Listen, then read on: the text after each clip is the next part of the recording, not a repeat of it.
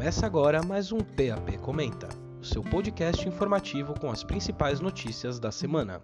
Olá, começa agora mais um PAP Comenta. Meu nome é Vitor Lara e hoje eu estou aqui com o Vitor Napolitano. Tudo bom, Vitor? Opa, tudo bem? É, sigo em casa, atendendo as recomendações e vamos aí para mais um podcast. Maravilha, conosco hoje também o Patrick Martins. Fala, Patrick, como é que tá a quarentena por aí? Fala, tudo bem, tudo certo? É isso aí, seguindo as recomendações e vamos lá para mais um podcast. Maravilha, pessoal. Então vamos agora para as principais notícias dessa semana, começando com uma que se refere ao nosso presidente da República, Jair Bolsonaro. A Justiça Federal deu 72 horas para o Bolsonaro explicar a mudança no comando da Polícia Federal no Rio de Janeiro. Né?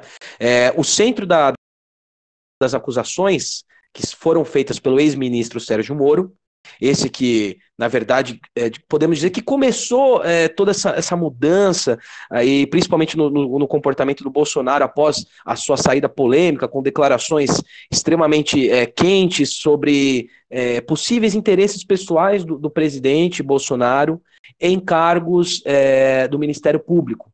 E o Moro se negou a, a, tomar partido, então, segundo o Moro, esse foi o motivo da, da retirada. Bom, é, vamos lá, só para complementar aí a notícia, o, a medida judicial é, para a Justiça Federal vem do vem de Rubens Nunes, ele que é um dos coordenadores do MBL, o Movimento Brasil Livre.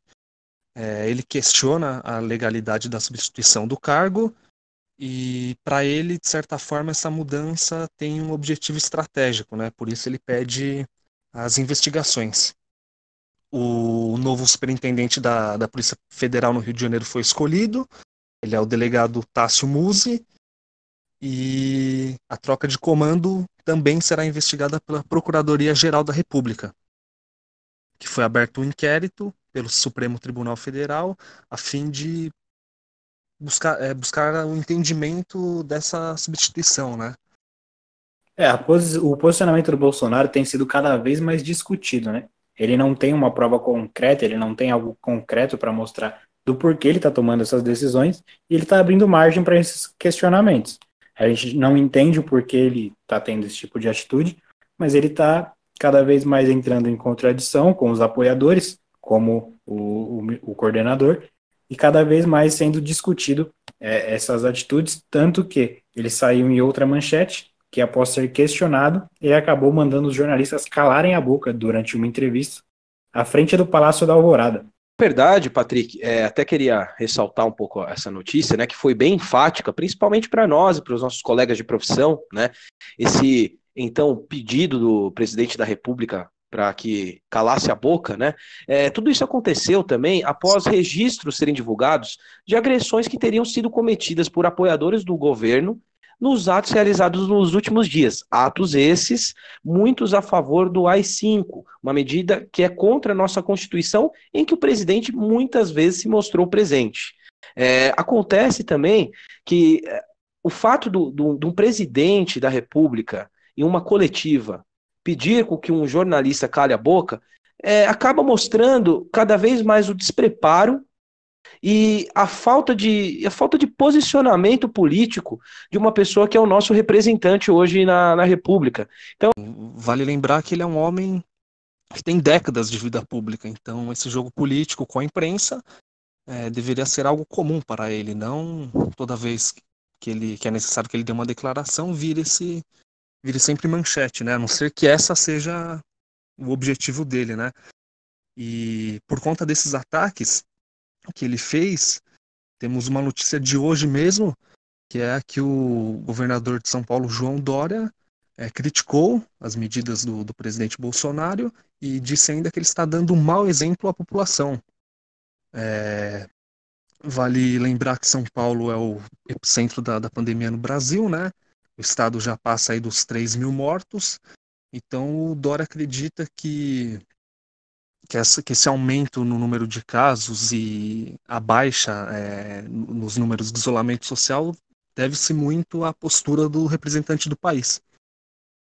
Exatamente. O governador João Dória ele afirmou nesta quarta-feira, dia 6, que o estado de São Paulo chegou a 3 mil mortos. Ele decretou luto e atacou o presidente por esse mau exemplo citado anteriormente. As declarações deles, dele foram dadas no Palácio das Bandeirantes, no Morumbi, na zona oeste de São Paulo. O estado atingiu 3.045 mortos nesta quarta, com 194 novas mortes, um crescimento de 7%. Além disso, São Paulo chegou a 37.853 casos confirmados, um aumento de 10%, que mostra cada vez mais o despreparo nessa organização a respeito da saúde da população. Que é notável em meio a todo esse caos que o Brasil vem passando, seja ele no sistema, no sistema de saúde, onde em muitas cidades já existe superlotação de leitos, né, e em muitas capitais atingindo aí quase o seu 100%, a gente também vê notícias todos os dias, acompanha a dificuldade do brasileiro em conseguir o seu auxílio emergencial, né? esse despreparo do governo em conseguir auxiliar o brasileiro a ter esse auxílio que faz sim a diferença nesses tempos de pandemia.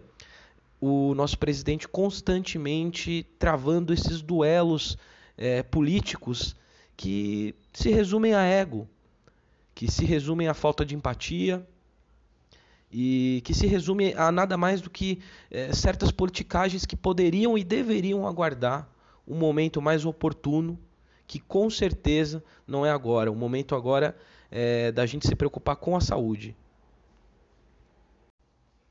Bom, pessoal, chegamos ao fim de mais um episódio. Queria agradecer aqui a presença do Vitor Napolitano. Eu que e... agradeço, obrigado pelo convite. E queria agradecer também ao Patrick Martins pela disponibilidade. Eu sei que está todo mundo em casa, não é um momento fácil que a gente vem enfrentando. Então, muito Sem obrigado, problema. pessoal, pelo nosso podcast hoje. E voltaremos numa próxima edição muito em breve. Você ouviu mais um PAP Comenta. Toda quarta-feira, às 20 horas.